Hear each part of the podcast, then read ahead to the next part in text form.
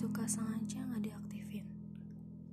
Padahal aku cuma minta kabar, kabar dari kamu yang udah seharian ini sibuk kerja. Aku mau tahu gimana kamu menjalani hari ini. Aku tahu kita udah sama-sama dewasa dan punya kesibukan masing-masing. Tapi apa aku salah kalau di hari kita saling berbagi kabar?